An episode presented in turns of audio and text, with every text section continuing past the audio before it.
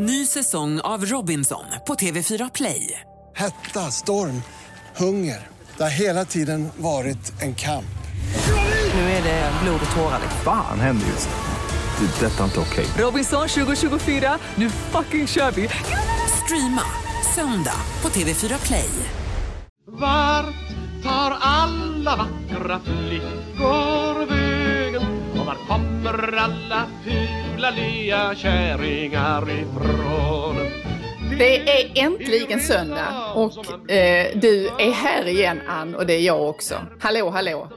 Hallå, hallå! Efter lite initiala förvecklingar eh, med eh, saker som stoppas i fel hål och det går trögt eh, och det är för kort, jag vet inte. Så lyckades vi Ja. etablera kontakt även denna dag och det är ju Ja. underbart. Precis. Alltså om vi någon gång kommer att ha sånt här exklusivt behind the scenes material, om vi skulle lägga ut sånt, så kommer det att vara ofantligt roligt eftersom det kommer att avslöja oss som, ja, tekniska idioter, eller hur? Tyvärr, oss båda. Ja, det, och det, det har ju varit en full vecka, mycket har hänt, eh, men självklart har vi också hunnit med att irritera oss på både det ena och det andra. Vad, vad har eh, väckt din vrede under veckan som har gått, Ann? Och det, alltså det är ju så mycket som har väckt min vrede den här veckan, i stort och smått kan jag säga. Men en sak som har irriterat mig under mycket lång tid måste jag säga, och det är någonting som har tilltagit i intensitet, både förekomsten av detta Ja. men också min irritation. Det är det här bisarra kvällstidningsspråket som låter så här. Anna-Karin Windhams nya besked om äktenskapet! Eller den här. Anna-Karins nästa drag köper hus utanför Göteborg. Vad fan är detta? Vad är det för jävla besked? Lotta Engbergs besked om Soldoktorn. Soldoktorns nya drag i relationen till Lotta Engberg. Ingen pratar så. Eller hur? Gör Nej, du jag några vet. drag, Anna-Karin? Vad är ditt senaste drag? Nej, Det men det jävla roliga är om man. Om man tänker sig att man också skulle meddela de här dragen via kvällstidningarna. Det är ju, det är ju särskilt korkat. Men, men jag, vill, jag vill toppa den, det sättet att skriva på. Det finns faktiskt en, en kategori eh, tidningsrubriker som är ännu dummare och det är de som ligger på Svensk Damtidnings webb eh, Jesus. texter. Därför att Ja, men- de, ja. har väldigt lit, de har väldigt, väldigt lite att skriva om eftersom att kungafamiljerna släpper ju inte ut så mycket annat än det som är oerhört välregisserat och genomtänkt och preparerat. Och därför måste de uppfinna små saker samtidigt som de inte heller vill vara eh, så att säga ogina mot de royala, därför att det är ju deras levebröd. Så det Ja. ger ju rubriker som kan låta så här. Sofias märkliga beteende under midsommarhelgen. Och så går jag genast in och läser för att Ja, jag vill man kan veta. inte låta bli. Nej. Och då är det här märkliga beteendet att hon inte la ut någon bild på Instagram under den Nej. gångna midsommarhelgen. Har hon ens firat gjorde hon ju midsommar? förra året. Ja, Jesus. Men det är också där, det var något Eller- liknande, eh, där Madeleines babylycka, bästa väninnan berättar. Ja. Så tänker man, vad fan ska hon ha en unge till? Tänker jag. Men då är det naturligtvis en bästa väninna som ska ha barn. Och jag går Ja, på det varje precis. gång. Ja, och, och sen så, det kan stå så här. Detaljen alla pratar om. Se Ja, den det. märkliga eh, detaljen på prinsessan Estelles klänning. Eller någonting. Men det, var något, det var också något med Estelle och det var också sånt, det var också något detaljen som alla la märke till. Och då var detaljen att hon var iväg på något hon blev hyllad någonstans, hon är grevinna någonstans, minns inte var det är, Estelle är faktiskt. Men då var hon där tillsammans med eh, mamma och pappa och sen så hade hon då, på förmiddagen så hade hon kjol. När hon hade klänning Ja. och på eftermiddagen då när de hade uteaktivitet då hade hon en kofta på sig och detta tyder då enligt Svensk Damtidning på att hon nu är vuxen och mogen och hon kan snart ta över tronen helt enkelt. Detta var detaljen. Ja, för att hon, bestäm, hon fattar egna beslut. Hon, Ja, hon, den här märkliga detaljen. Ja, hon tänk, ja. tänkte igenom att nu är det lite kyligt, jag tror jag tar på mig en kofta. Oerhört moget för vad hon nu är, nioåring eller någonting. Ja, Ja. ja. ja nej, men det är deras levebröd. Dessa små omständigheter uppförstorade tusen gånger till oigenkännlighet. Men, det där Men jag, jag delar denna drag, irritation. Det kan också vara rätt roligt för att nu när eh, jag, jag och min, min make, vi har varit på semester en vecka eh, i ett annat land och då har jag frågat, sagt till Erik så, eh, mitt nya drag, eh, vad är ditt besked? Så vi har roat oss med att, att krydda vårt språk genom att göra olika drag. Eriks kärleksbesked, vill fortsätta vara gift med Ann. För det är alltid också, det är ju aldrig några klara besked, det är alltid bara något, liksom, jag vet inte, bisarrt. Carina Bergfeldts nya drag är att hon har köpt en lägenhet. Jag bara så, ja men är det ovanligt? Är det något att skriva en artikel om? Att en människa har köpt en Ja, bostadsrätt? Man tänker kanske inte heller att det är ett impulsivt drag, Nej, utan det är nej, någonting som är resultatet av en överläggning och eh, en låneansökan antagligen. Ja, Jesus, Jesus. Men jag vill gärna ha besked från dig, Anna-Karin Wynda. Vad har du irriterat dig på? Ja, jag kommer röra mig i ungefär samma härad därför att nu Ja. det handlar om vad som står i våra tidningar eller Ja. inte. Och Ja. eh, nu har vi gått in i denna ljuva sommartid och det betyder att vi får njuta av sommarprat. Eh, Mm. Tyvärr inte av eh, dig eller mig den här sommaren, det kan man ju irritera sig på och eh, klaga på. Men jag tänker särskilt irritera mig på att de här jävla sommarpraten ska recenseras i alla Oh. tidningar. Ja, För jag tradigt. förstår inte varför det är nödvändigt att göra det. För det det gör med mig som då potentiell lyssnare, det är att om jag läser den här recensionen, då går min eh, sannolikheten för att jag ska lyssna på programmet går ju ner ganska radikalt då. Om det är någon Mm. tråkig recensent som skriver ner det här programmet. Trots att det kanske är så att jag egentligen skulle tycka precis tvärtom om jag väl lyssnade på det själv. Och jag, vad jag tycker de gör med att recensera de här, alltså hur många är det nu över sommaren, handlar det om 30-40 stycken eller någonting sånt där kanske? Ja, något sånt är det nog. Det är ju att ja, de fyller ju, det är ju för att de fyller sidan, de vill fylla sidan med någon slags aktualitet och så vidare. Men eh, jag tycker att de skär liksom in, de sätter in en kil emellan mig och den som talar. För tanken med sommarpratet är ju att man får en närhet till denna kända person eller erkända forskare eller uppburna författare eller vad det nu kan vara. Som jag genom att lyssna på denna i 90 minuter. Istället ska då det filtreras först genom en recension som läggs ut nästan innan den tillgängliggörs, innan den så att säga är det, du förstår vad jag menar, att det, det, den kommer före själva programmet. Och jag tycker det är trist. Det är samma som att recensera På spåret-avsnitten. Sluta göra det.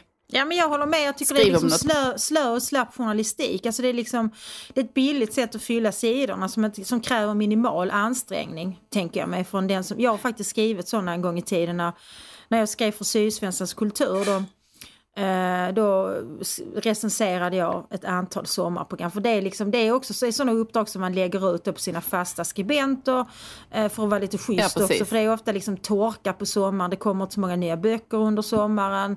Eh, det är ingen som orkar ha kulturdebatter och man vill gärna kunna planera innan man går på semester. Alltså innan de, liksom de som sitter på redaktionen har i allmänhet semester så tar man in lite sommarvikarier. Eh, Och då är det bra om man har lite hållpunkter. Att ja men då har vi ändå det här varje dag och då fyller vi 2000 tecken med det. Jo, jag, Men- ja, precis, jag fattar det. Men, men det, det, det är likväl så att det, risken är ju att man förtar väldigt av den här eh, aktualitets eller närhetskänslan och av att få höra det direkt från källan själv. Ja, även om alltså- det där är skrivet med liksom, manushjälp och allt sånt där. Och det, det- Ja men det, det tror jag Ja. liksom att, för att egentligen kan man ju tänka sig att det här inte är så stor skillnad mot att man också recenserar en film eller en bok eller ett skådespel. Men skillnaden är ju att när man recenserar en bok eller ett drama eller en film så berättar man i allmänhet inte slutet, eller hur? Alltså man, man spoilar inte. Men det gör ju, alltså för det här, liksom kritiken av ett sommarprogram, det blir ju i allmänhet ett referat. Att Lena Philipsson Ja, berättade om exakt. det här och de sista orden var det här. Och då känner jag så, men Mm. okej varför ska jag nu lyssna? För jag, jag har inte lyssnat på ett enda sommarprat än för jag, jag har varit utomlands och eh, dålig, Mm. eh, då, dåligt nät i Albanien och så vidare. Och kanske inte heller har tänkt på det överhuvudtaget. Men Lena Philipsson var faktiskt en av de som som jag ville lyssna på för jag tycker hon verkar vara en ganska kul person och till skillnad från Ja. många andra som pratar i sommar så är ju inte hon sönderpratad för att hon har alltid varit en ganska, Nej. har jag uppfattat henne, Hon har privat person sig, så man, man vet säga. inte så mycket Mm. om henne så det kanske kan vara spännande. Men då fick jag ändå veta nu liksom eh, vad jag nu läste i recensionen att ah, hon började med att prata om Eh, det var första meningen då och sen sista meningen var men kanske lär mig det. Och så handlade det om ensamhet. Eh, men det hand, att hon gillar att vara ensam eh, men inte alltid. Och ibland undrar hon om jag skulle sätta i halsen nu då är jag ingen som räddar mig. Kan jag göra Heimlich manöver på mig själv? Vilket ju lät som en ganska kul sak att säga. Så då kände jag men det vill jag lyssna på. Och sen så hyllade hon Ja. då sina kvinnliga väninnor.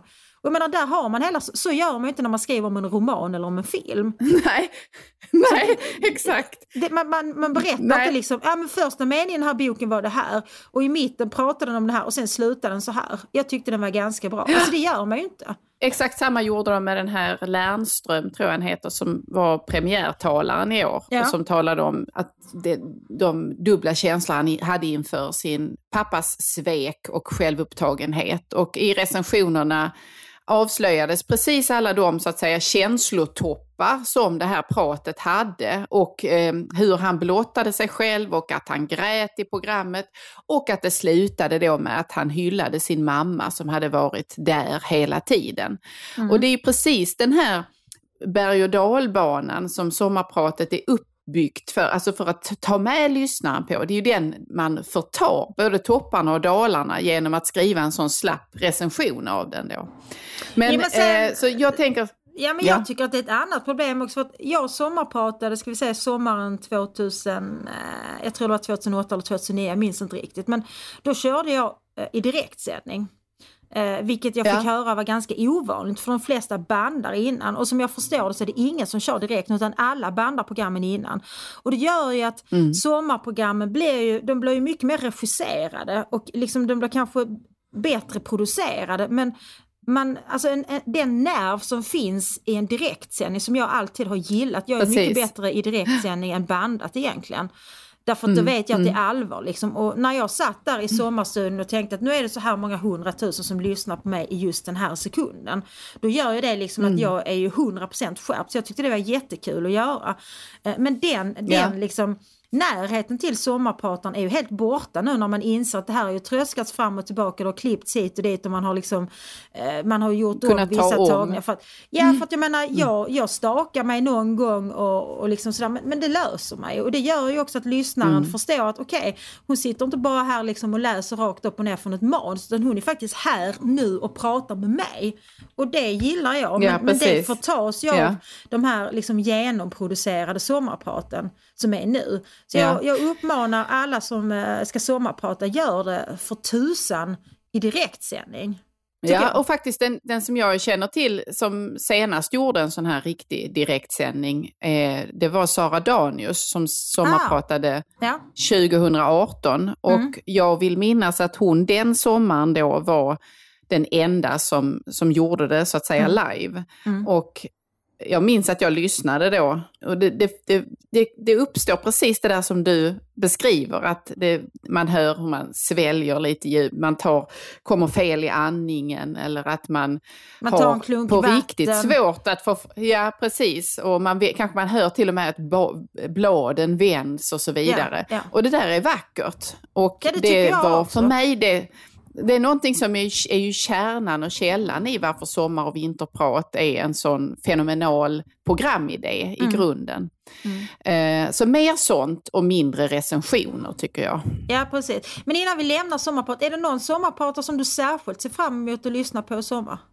Oj, jag har inte närstuderat listan så, så att jag kan, jag har prickat ut. Hade du, men du hade några favvisar du ville lyfta fram va? Ja, det hade jag. Fast alltså, en av, alltså, en av de saker som är så charmigt och roligt med sommarprat det är ju också att man, man tenderar, jag har ju alltid radion på och det gör att man får ju lyssna Ja. på sommarprat av människor som man inte visste man var intresserad av och ibland göra nya bekantskap precis. och, och ibland liksom få, se, få nya dimensioner och en ny bild av en offentlig person som man kanske har avfärdat som banal eller ointressant eller bara irriterande. Så det är ju det fina Mm. med det. Så jag lyssnar nog i allmänhet på de flesta men jag är väldigt nyfiken på eh, Camilla Hamids eh, sommarprat. Jag Ja, använder hennes Ja. recept väldigt mycket men vet, vet, vet ingenting om henne. Eh, Så det tycker jag ska bli Nej. spännande. Och sen också Gudrun Persson, den här eh, fantastiskt eh, Ja, kunniga Ja. militärmänniskan. Henne ska jag lyssna på med stort och intresse. hon är en, en förebild i Ja. stringens och kunskapsdjup. och seriositet tycker jag. Det är inget flams och trams över henne utan hon, hon har liksom fog och grund i det hon säger och hon tar, jag tycker att hon också verkar ha någon slags sån här grundmurad auktoritet i Mm. sig. Hon är bärare av det. Jag kommer att tänka på Inga-Britt Alenius när Ja, jag fa- hör Gudrun jag tala. Ja. Så, det att det ser ska jag definitivt lyssna på. Mm. Jag ser henne som eh, eh, 2022 års Anders Tegnell. Det vill säga den som vi Ja, vänder oss till i vår nöd. Fast hon är stabilare och hon är bättre klädd. Och mer Mycket. trovärdig. Ja, jag, jag väljer henne alla dagar i veckan framför Ja, Tegnell måste jag säga. Framför Gudrun Persson. Ja. Det programmet ska vi lyssna på, sen ska vi prata om det. Det behöver inte göra i podden, men det kan vi göra i något annat samtal. Har blivit en madam med skunk bak och fram Hörru, vad, vad är det vi ska Ja. prata om idag? Och vi ska prata om det som omger och strukturerar eh, varje dag, tycker jag. Det som Mm. är eh, ibland ett bekymmer och i, ibland en lust. Men någonting som är helt nödvändigt. Mat tänkte jag Jajamän. prata om med dig idag. Är du med på det?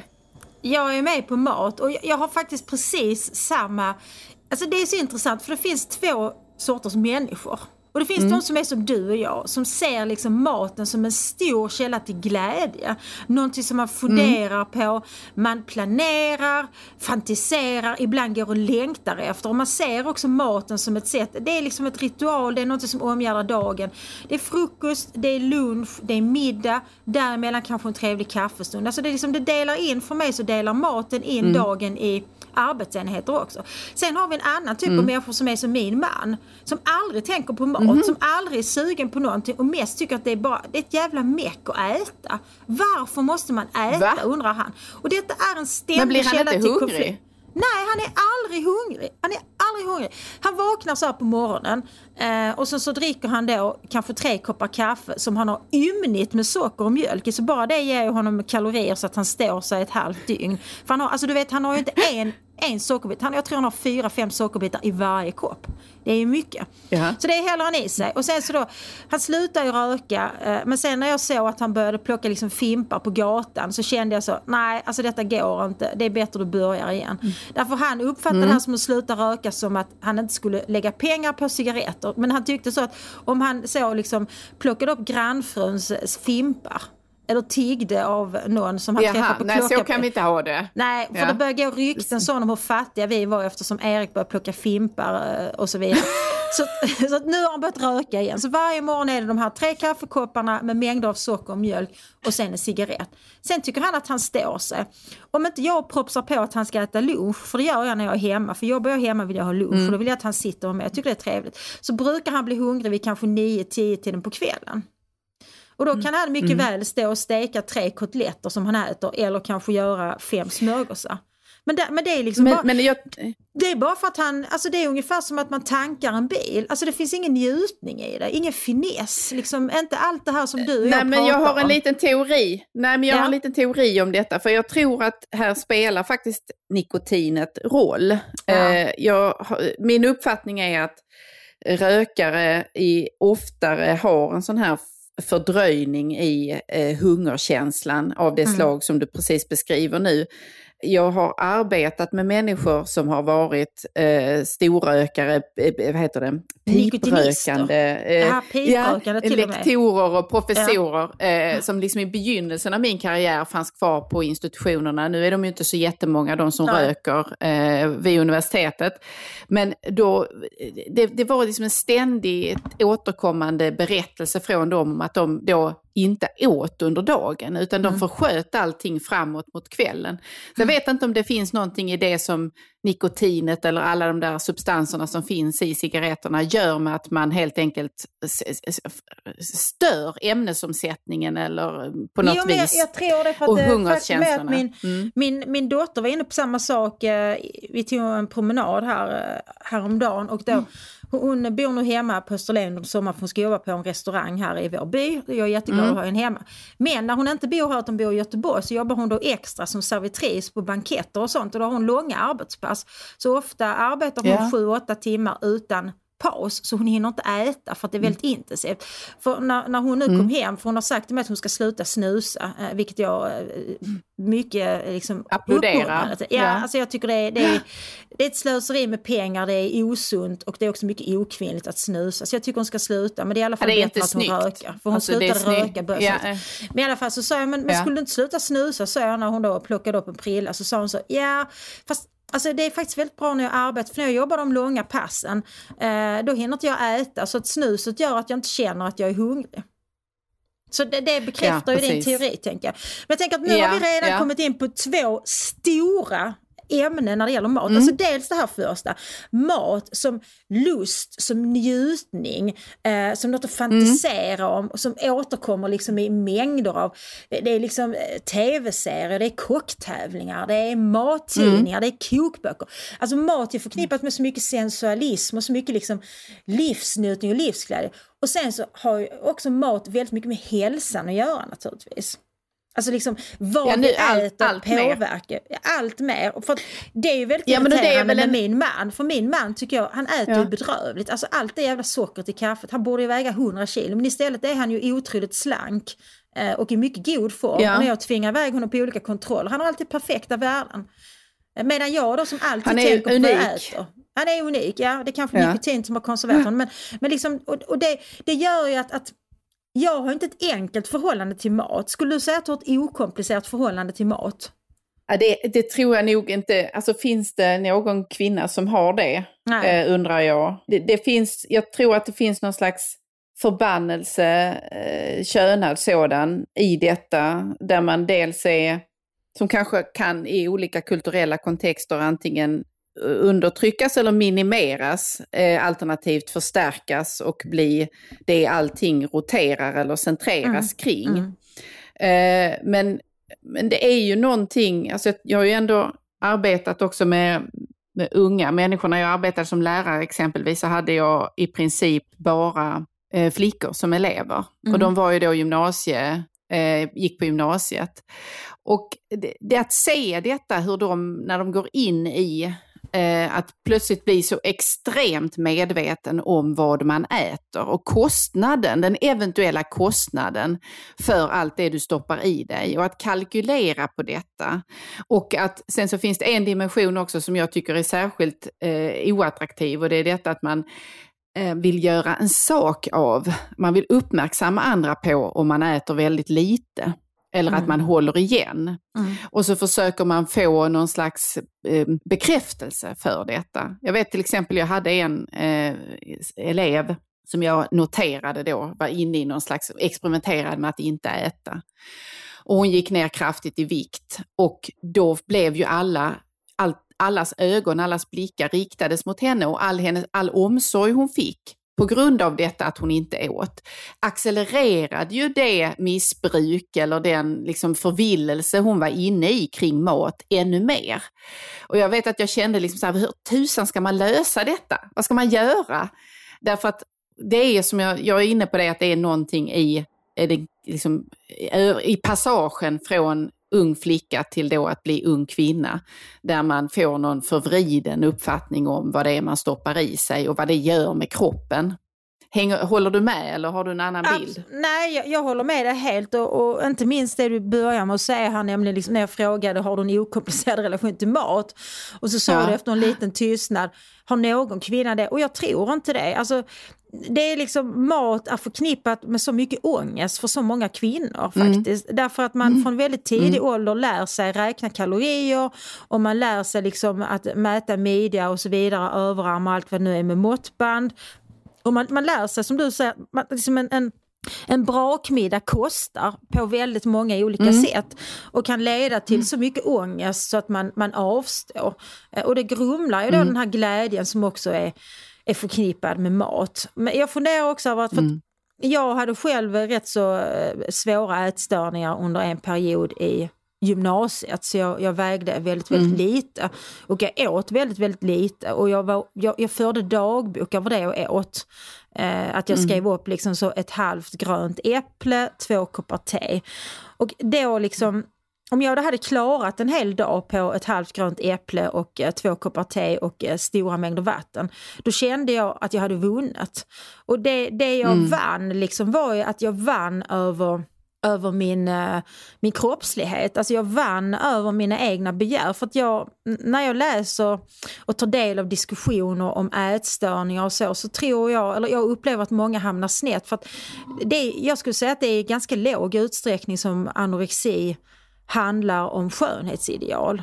Därför jag, jag tyckte, jag tyckte, jag menar nu tycker jag att jag är tjock men det är helt enkelt för att nu är jag tjock, jag är fet liksom. Jag har blivit gammal, jag har ingen ämnesomsättning som fungerar längre eh, och jag väger, jag vet inte, för många kilo för mycket helt enkelt.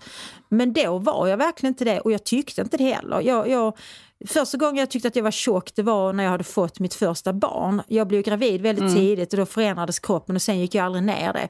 Men jag, hade- jag har aldrig tyckt jag var tjock och har aldrig varit särskilt upptagen av hur min kropp såg ut eh, heller förrän i samband med liksom graviditet och så vidare. Utan jag var rätt liksom, ja. Så att jag slutade äta, det hade ingenting med det att göra. Och det kan väl Nej, vara olika för olika personer men när det blir riktigt grava störningar så tror jag ofta att det handlar om en bakomliggande problematik. Att man lever i en situation eller i ett psykiskt tillstånd som är väldigt svårt att hantera. Men om man då i alla fall kan hantera vad fan man stoppar i munnen och vad man släpper in i sin Ja, kropp. precis. Ja. eh, Så Nej, har man det- kontroll det- över det något, finns ju- tänker jag. Ja, exakt. Och det finns ju ganska många berättelser, beskrivningar, vittnesmål om just alltså när man har sjunkit djupt in i eh, anorexi eller eh, självsvält, hetsätning och liknande som, som vittnar just om att det är det det handlar om. Det är någon, en, en i- inre strid eller en strid som har att göra med någon specifik relation eller en, en bild man har av vad man kan, kan och bör göra. Där matkontrollen då, eh, detta som du beskrev just med att det där kan jag åtminstone, kan jag kontrollera det, då har jag i alla fall inte förlorat allt.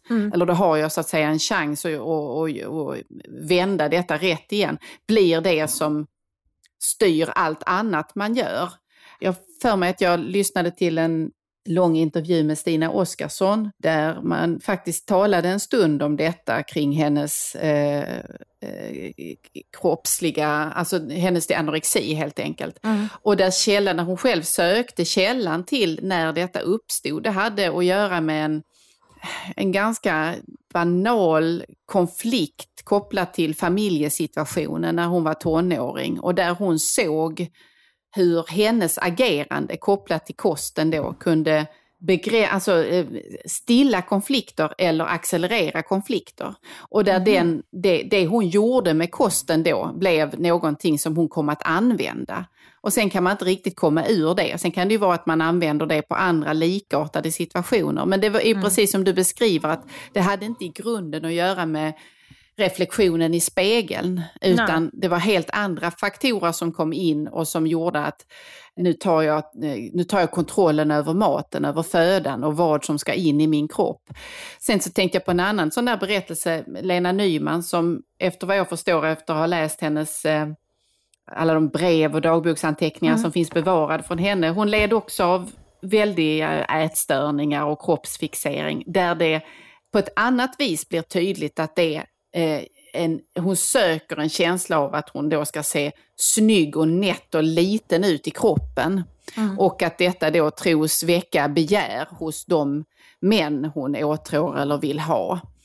Eh, och där hon svälter sig själv på ett, ett grymt vis. Hon håller bland annat på med någonting som kallades egovin-dieten. Ja just det, den där. Där man, då, ja, där man åt ett eh, kokt ägg och drack vitt vin. Det var allt. Eh, och sen var man ju då som, eh, sen var man ju otroligt hungrig vid tio tiden på kvällen och, hel, och tryckte i sig en massa. Så att då, då blev det någonting som så att säga genererade hetsätning istället. Ja precis och sen triggar det ångest. Men det finns ju säkert, det finns ju säkert olika vägar in i, Ja. i liksom en, en ätstörning om det är hetsätning eller, eller självsvält. Men jag tror att det, det handlar om lite olika saker. Sen finns ju för Lena Nymans diet här tangerar ju den, den berömda flygvärdinnedieten. Som väl också innefattar kokta ägg och eh, kycklingfilé vill jag minnas. Jag vet inte om du är bekant med och kanske luft. Man kanske äter luft. Man äter luft. Och jag menar där är det ju snarare så, jag menar flygvärdinnor ska ju vara då slanka och nätta och liksom eh, trippa runt där i flygplanet och passa i sin uniform. Mm. Så där har ju säkert mm. liksom, där handlar det ju nog sannolikt inte om eh, en känsla av bristande kontroll utan just faktiskt att jag måste passa i min uniform, jag måste se tillräckligt eh, slank och smidig ut för att behålla mitt jobb. Så det finns ju, finns ju mm. olika anledningar för att som, som vi nu har upprepat flera gånger så ytterst få kvinnor har en helt okomplicerad relation till mat och det handlar ju om detta att mm. det handlar ju om om det kroppsliga, liksom, om kroppen, om att man mm. blir bedömd. Och det är också någonting med... Alltså det, ibland får en känsla av att, att det betraktas lite som opassande att, att kvinnor frossar och liksom äter och har glupande aptit. Att det en, en kvinna förväntas ja. sitta och peta i sig något jävla salladsblad och kanske sippa på ett mm. glas sval Oj vad jag blev mätt nu. Ja. Precis. Och jag har nästan inga fysiska Själv tycker jag det, måste jag säga, är otroligt oattraktivt med människor som inte vill äta. Jag är ledsen att säga det Erik, men du måste äta mer. men jag ja, men där liksom, kommer du ju... Jag, jag tänker liksom, ja. det, den som, som inte... Alltså har man en glupande aptit på mat så tror jag att man har glupande aptit på andra saker i livet också. Som kanske sex ja, och nöjen och så vidare. Och det tycker jag är attraktivt. En människa som vill ha saker, som vill ta för sig, som vill kasta sig över saker, som Njuta. öppnar sin mun. Ja, som njuter och sväljer. Det är väl bra?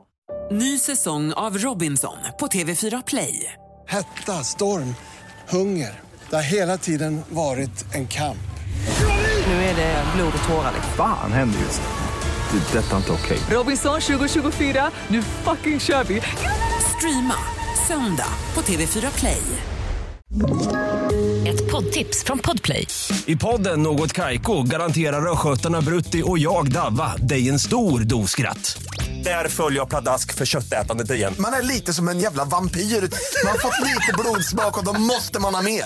Udda spaningar, fängslande anekdoter och en och annan arg rant. Jag måste ha mitt kaffe på morgonen för annars är jag ingen trevlig människa. Då är du ingen trevlig människa, punkt. Något Kaiko, hör du på Podplay. Därför är gardinerna. Midjan så smal, så ack royal. Men du, eh, där kommer du in på någonting annat. Vi är inne på dieter och så nu. Och ja, det finns precis. ju, om man tänker så här att allt, allt det vi har talat om hittills är ju också på något vis ett uttryck för att vi lever i en väldigt eh, de allra flesta av oss lever så pass privilegierat så att vi fattas inte mat. Vi kan mm. äta oss mätta. Och sen kan vi därutöver fixera oss vid i vad mån vi äter för mycket, för lite, eller om vi äter en viss typ av diet eller kost. Eller, och vi kan också göra politiska val då i vad vi väljer att köpa hem och bjuda ja. på och så. Och en del av exakt samma fenomen, detta, detta mätta, privilegierade urvalssystem, är ju att man också som gäst kan komma och ställa specifika krav på vad som ska serveras därför att man kanske är inne i någon särskild diet eller man har anammat någon särskild trend om vad man ska äta och så. Och vi har ju, jag tror vi har varit inne på det tidigare i podden men där vill jag en, en gång till säga, markera att jag tycker inte jag säger inte att man kan ställa den typen utav krav på den som bjuder eh, på middag eller lunch eller beställer till fest. Utan alltså har man en kroppslig disposition som gör att man blir mycket, mycket sjuk om man äter någonting, då är det en sak. Men alla de här dietkraven tycker jag går fet bort eh, när man är bjuden på middag. Det är min bestämda uppfattning. Ja, jag menar i värsta fall får man ha med sig mat själv om man har någon väldigt udda diet. Jag menar för det mesta så går det ju liksom att, låt säga att man vill undvika kolhydrater, ja men då kan man väl hoppa över potatisen och brödet då, och äta mer av salladen och köttet. Liksom. Eller man tar mycket lite av det, för det, jag tycker också det är ohövligt att inte ta alls av det, men man kan ju välja att ta minimalt ja, av det. Menar, så att man ingen, ändå, ja. ingen diet havererar ju av att man en middag liksom äter lite kolhydrater. Men, men det där liksom tangerar ju det som du var inne på när du pratade om din erfarenhet av kvinnliga gymnasister. Eh, därför det där mm. är också ett sätt att göra sig märkvärdig. Att ha den här liksom, ja, oh, jag, jag, vet min, min mamma har en väninna som en period bara åt gröna saker. Alltså hon åt bara livsmedel som var grönt.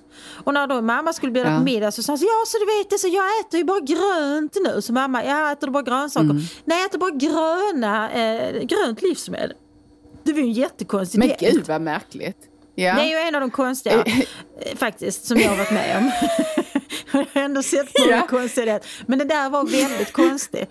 Det är bara grönt. Ja. Så gröna gelégrodor går bra då, men inte röd paprika. Det är många fina E-nummer i den gröna blev liksom, gelégrodorna. att där blev ju, och en del av de här liksom trendiga dieterna, de tenderar, alltså de, de är ju nästan mystik. Jag förstår det som man tror att det finns en magi i hur man kombinerar livsmedel. Eh, det är ju inte så vanligt det här Mm. med färg, men ändå det här liksom att det ska bli väldigt mycket så här hokus pokus kring att man får absolut inte... eh, För jag menar det hade varit supernice att kombinera till exempel LCHF-dieten med en vanlig viktväktardiet. För LCHF så får du äta hur jävla mycket fett som helst. eh, Men inga kolhydrater. sen- Men viktväktarna Nej. tillåter kolhydrater men i, men i kontrollerad form men bannar allt Ja. fett. Så man då tar två, det Ja. bästa från olika dieter så hade man egentligen kunnat äta liksom, det hade varit rena liksom eh, Decameron på något vis. Men, Ja. men, men, det- men det blir väldigt Alltså- mycket magi i det här att det här är tillåtet, detta är inte tillåtet. Och den kombinationen kommer att leda till oerhörd viktnedgång. Och om du äter mellan de här Ja. tidpunkterna, man har ett ätfönster då på, på liksom kanske sex eller åtta eller tio timmar och de här periodiska fastan och så vidare. Jag vet inte. Det, är, det är mycket Jag magi. har ju jag har ju faktiskt jobbat på Viktväktarna en gång i tiden kan jag skryta med nu. Jag jobbade på, det hade då sitt huvudkontor i Helsingborg Ja. eh, och lager där också. Så att jag var, eh, satt där två somrar och lite så här eh, extra jobb på terminerna när jag var tonåring. Och eh, dels svarade jag i telefon och eh, jag minns att jag blev eh, mycket upphetsad när det ringde någon som jag tyckte var, om det var någon som var lite halvkänd eller så, som behövde gå ner i vikt. Inför någon tv-grej. Det tyckte jag var toppen. Eva Rydberg, hon bodde väl i Helsingborg. Hon ringde och sa att nu, nu ska Ja, jag dansa precis. här igen på Ulriksdal. Jag behöver gå ner tre kilo. Så sa du, vi står till tjänst. Vi sänder våra slanka soppor. Men det roliga tyckte jag var där också var att det var så oerhört... eh, För det första så är detta i en tid när man fortfarande kunde röka på kontor. Och det röktes väldigt mycket där. Så där satt Ah. vi eh, viktväktarkonsulenter då eh, och alla de som var med och styrde upp detta och bolmade friskt. Eh, och sen var det oerhört eh, eh, rika måltider vi intog där. Så att jag vet att jag tyckte för mig själv att det var en väldig kontrast mellan viktväktarbudskapet och vad vi förtärde där på kontoret. Gott var det, men jag kan säga att jag gick inte ner i vikt den sommaren. Nej, Eh, men, ni men- räknade inte points på den tiden, eller hur? För det, det är nog Nej. senare eh, som man börjar med det här points-systemet som är mycket pedagogiskt och Men, lätt. men Viktväktarna är ju, eh, kom ju till Sverige faktiskt och startades upp av en, en kvinna. Hon bodde faktiskt inte alls långt ifrån eh, där jag är uppvuxen. Och hon hade varit, om jag minns rätt, varit hemmafru i många år. Och sen hade hon stått i en butik där det fanns många godsaker att förtära, vilket hon gjorde och gick då kraftigt upp i vikt. Och sen fick hon, fick hon nys om denna, eh, ja, denna amerikanska påfund då, Weight Watchers och eh, körde det programmet eh, och gick ner och blev mycket slank och vacker. Eh, och sen byggde hon upp Viktväktarna, hon heter Lena Arvidsson, eh, och byggde upp Viktväktarna här i Sverige. Eh, men det som är alltså, egentligen klon där, det är ju kanske inte, det är inte bara recepten utan det är ju detta att du väger dig i grupp. Ja. Och att Absolut. du står inför andra och får visa om du har varit duktig och får guldstjärna, det använder Mm. man då. Eller om man eh, är för streck, för att man, eller man får plus, vilket är det värsta man kan få. Och det ligger ju, där, där skulle jag vilja säga om man liksom analyserar vad är grejen här, då använder man ju precis det som du och jag talade om innan, nämligen alltså den här kvinnliga självbetraktelsen eller själv, kri- självkritiken kring att man är duktig eller inte duktig i andras ögon huruvida man kan kontrollera intaget av föda och kalorier. Ja, precis. Så det är det skulle- som är nyckeln. Ja. Jag skulle säga att nyckeln till Viktväktarnas framgång det är skam. Faktiskt. För det, det är ju det Mm. man spelar på där. Jag gick på Viktväktarna en period, vad ska vi säga, jag var väl typ 45 och insåg liksom att okej, okay, det är över 10 år sedan jag fick mitt tredje barn. Eh, så jag kan inte riktigt skylla mina mm. överflödskilon på att jag, precis, för att jag fött tre barn, för att det är så länge sedan nu. Mm. Så det gick jag en period på Viktväktarna. Jag vill minnas att invägningen skedde då i en lokal som låg under Smålands nation eh, i Lund, den här eh, Sveriges enda Jaha. socialistiska nation. Och där traskade man ju dit då med oroliga steg en gång i veckan för just invägning. Och då sägs det ja. ju klart och tydligt liksom, jaha, så ser det ut på vågen den här gången. Du har gått ner 0,7 kilo eller fasa dem. Jag hade faktiskt aldrig gått upp. För att, alltså näsan att behöva stå där inför de andra som kanske hade varit duktigare än jag och mm. gått ner mer och jag då hade gått upp i vikt eller inte gått ner någonting alls. Mm. Det ville man inte vara med om. Mm. Så drivkraften för att liksom hålla sig till den här ganska strikta dieten, det var ju faktiskt att man inte skulle stå där och skämmas vid invägningen. Och så blev man ju liksom, Nej, då var jag ju redan liksom disputerad, gett ut böcker på Bonniers och sommarpratat, gjort en massa fina grejer. Men jag var ändå väldigt skärrad inför den här invägningen och jag blev väldigt, väldigt lycklig varje gång jag fick en sån här stjärna i mitt lilla häfte. Ja, just det. Det var ja. liksom det viktigaste just då. Så de lyckas ju skapa en, en, en stämning eh, där man men, på något vis men, piskar människor. Det är ju helt frivilligt att gå på Viktväktarna. Och det funkar ju, ja. funkar ju ganska bra. Ja, och, men jag tycker att eh, ingen kan närma sig Viktväktarna efter att Tiffany Persson har eh, eh begått sitt lustmord på dem. eh, för de som kommer ihåg Hipp Hipp, som väl gick i början på 2000-talet. Ja, där, när Tiffany Persson från Staffanstorp ska väga ja. in sig, men säger att så här, jag måste gå på toa först. Det kan skilja på en två, tre kilo. den, den, uh, överhuvudtaget älskar Tiffany Persson men just den, uh, den scenen är obetalbar. Alla som har gått på Viktväktarna kan, kan känna igen sig där. Så uh, det, men, men det är ändå liksom en Viktväktardieten får man väl säga är en, en balanserad och rimlig diet. Den, den liksom mest extrema diet som, som jag har genomlidit var den så kallade vattendieten. Eh, och den är mycket eh, enkel ja. och mycket billig därför att det enda man gör är att man dricker vatten och man äter inget och dricker inget annat. Och så håller man Men ut så länge man kan. Men har man citron i eller har man nej. någon buljong i vattnet? Nej, nej, eller nej, ingenting? Nej, nej, nej, ingenting. Det är bara vatten. Förra sommaren körde ja. jag det fem dygns vattenfasta. Usch. Det låter oerhört tråkigt för en som, är, som, som älskar mat som du och jag gör. Ja, Vad hemskt. Det var, det var jag tycker synd om dig. Fast tredje dygnet mm. då kände jag mig på något vis, men det var nog liksom näringsbrist som säkert ledde till någon slags syrebrist i hjärnan också. För jag vet att jag liksom gick omkring och kände mig överlägsen alla svaga människor som var tvungna att äta. Tänkte att där kan ni ja, sitta. Ja. Jo, nej, men, men jag, kan, jag är som ett andeväsen, ja. jag klarar mig på bara vatten. Men det gör man ju inte särskilt länge. Nej, nej, och vi rekommenderar ingen att utsätta sig för det. Gör inte det. Nej, Njut gör av inte mat. det. Jag gick upp eh. vartenda hekto igen. Har blivit en madame med skunk bak och fram. Men när vi nu pratar om extrema dieter så för att, ja alltså när man ser liksom själva ätandet som något extremt, alltså du vet liksom människor som ska äta så den starkaste chilin i världen eller ska äta ja, ja. på tid oh, eller, eller alltså alla de här, de är ju så ganska roliga, det finns många sådana klipp på Youtube med liksom folk som ska äta surströmming. Men i alla fall, nu när vi ja. var iväg på semester då, då hade ju Erik tagit reda på att en albansk specialitet var helgrillad fårskalle. Så givetvis var vi tvungna att leta upp den enda restaurangen i hela Saranda som serverade detta. Eh, och eh, när han ville beställa då så sa den här albanska servitrisen no, no, no, uh, I wouldn't recommend that. Uh, och, och, Erik sa, jo det ska jag ha. Ja men vet du vad det är? Så han bara, ja. Och så, så sa Erik lögnaktigt så, ja men vi äter mycket fårskalle där jag kommer ifrån. Uh, det är en specialitet. Så jag vet mycket väl vad jag ger mig in på och då fick hon ju ge med sig. Så då fick han ju in liksom ja. en, en fårskalle, alltså där liksom ögonen satt kvar eh, och när han väl kom in i skallen så låg hjärnan kvar och så vidare. Nej men fy vad äckligt! Usch. Ja det var faktiskt riktigt Usch. räligt. Själv åt jag en kycklingbit, det tyckte jag var lagom. Men, men det där tycker jag är en ja, intressant aspekt av ätandet för det är så långt ifrån det här sensuella, liksom lustfyllda som jag tycker att ätande ska vara. När man liksom äter någonting för att bevisa något för någon annan. Kolla här, jag kunde äta en dagmask. Ja precis.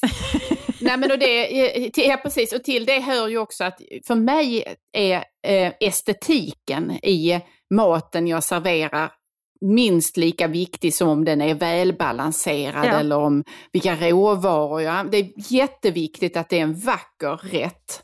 Och att jag tycker att det är liksom, jag får rätt på färgerna och att det ser snyggt ut. Jag har till exempel väldigt svårt att äta den där gröna dieten som du nämnde tidigare med någon, någon grannfru. Det skulle inte funka för mig för att jag vill ha många olika färger i rätten jag lagar och så. Va?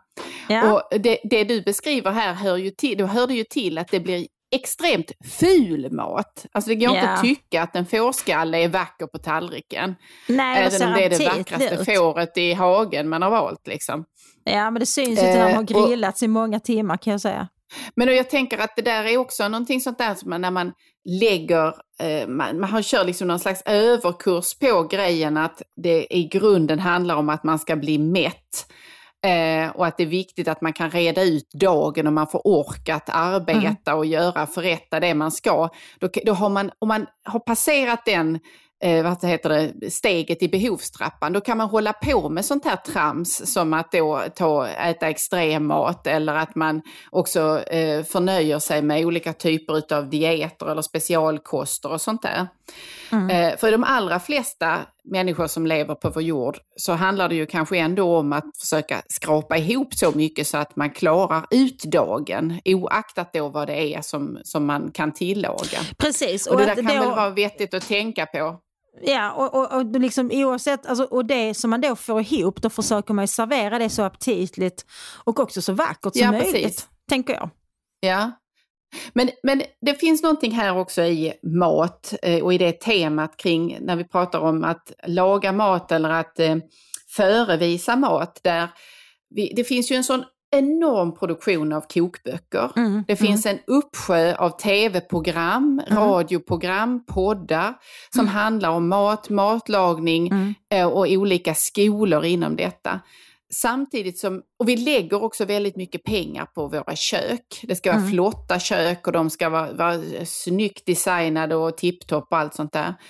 Samtidigt som jag betvivlar att människor överlag arbetar eh, med att tillaga mat från grunden inom citationstecken då, eller att man så att säga lagar en måltid varje dag, utan att det är relativt mycket ändå som är halvfärdigt inköpt eller att man, eh, man tar de genvägar som industrimaten ger.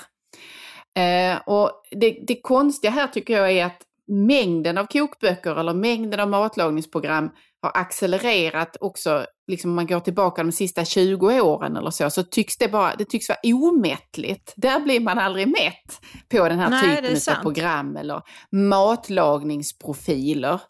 Mm. Eh, där det är allt från Alltså det finns ju de här Biggest Loser-programmen också som i viss mån handlar om mat och eh, mat, eh, vad Mm. man stoppar i sig. Men det är inte det jag tänker på här, utan jag tänker på just alla de där som bara skapar mat och så blir man nästan hypnotiserad av att sitta och titta på det.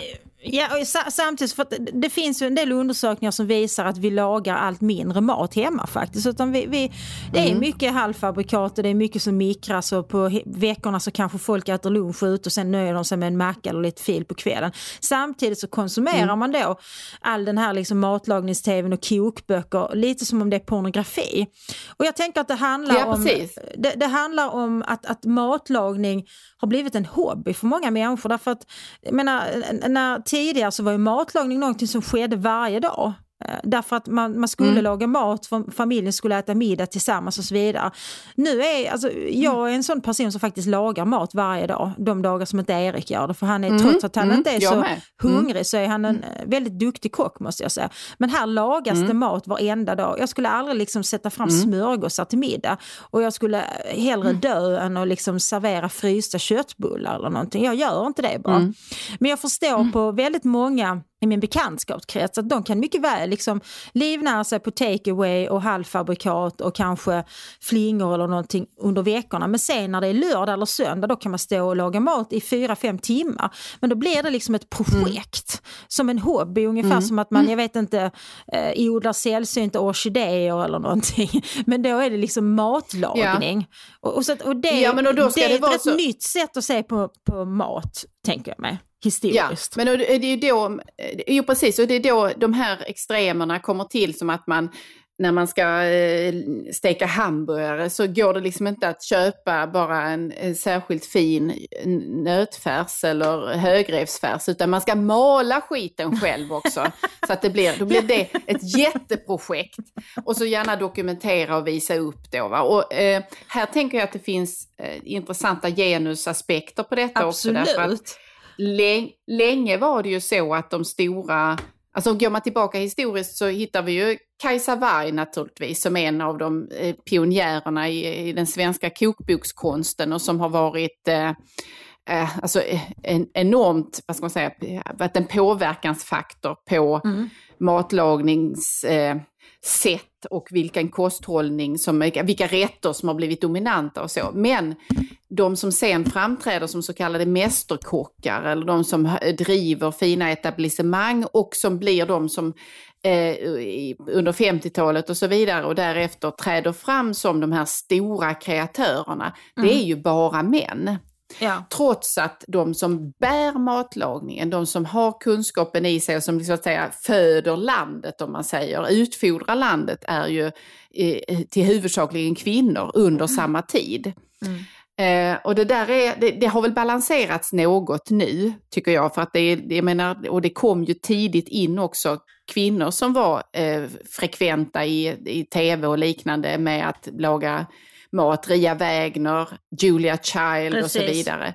Men lik, likväl är det ju ändå de här tunga männen då, Tore Wretman, Werner Fögeli och så vidare. Mm. Och det, det, det finns någon sån genusorättvisa i det där tycker jag. Ja, men det märkte, det, alltså där finns faktiskt paralleller till hästsport, tänker jag. Men för att om, om du liksom eh, besöker en genomsnittlig ridskola i Sverige så är det 98% tjejer som är där och som rider. Men tittar du sen mm. liksom på de mm. stora tävlingsarenorna, SM, eh, EM, OS och så vidare, så domineras det av män. Och det är ganska intressant mm. liksom att, att när män intresserar sig för någonting, om det är eh, liksom hästhoppning eller om det är matlagning, så, så slår liksom någon slags tävlingsnerv till som kanske inte riktigt gör hos kvinnor. Mm.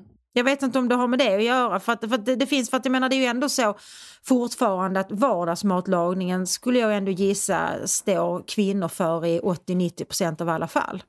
Jo, det är den här rätt så tråkiga ja, matlagningen. Man, man liksom slänger ihop en köttfärssås eller någonting för att ungarna ska ha mat. Medan då när männen ja. ska göra någonting så ska det vara liksom uh, speciella knivar. Då ska köttfärsen malas. Ja, ett, ett, det ska vara liksom ett skinnförkläde och man ska mala sin egen köttfärs. Och den här bolognesen ska ju puttra med kycklinglever och uh, allt vad det nu är i timmar. Och så ska alla beundra det oändligt mycket.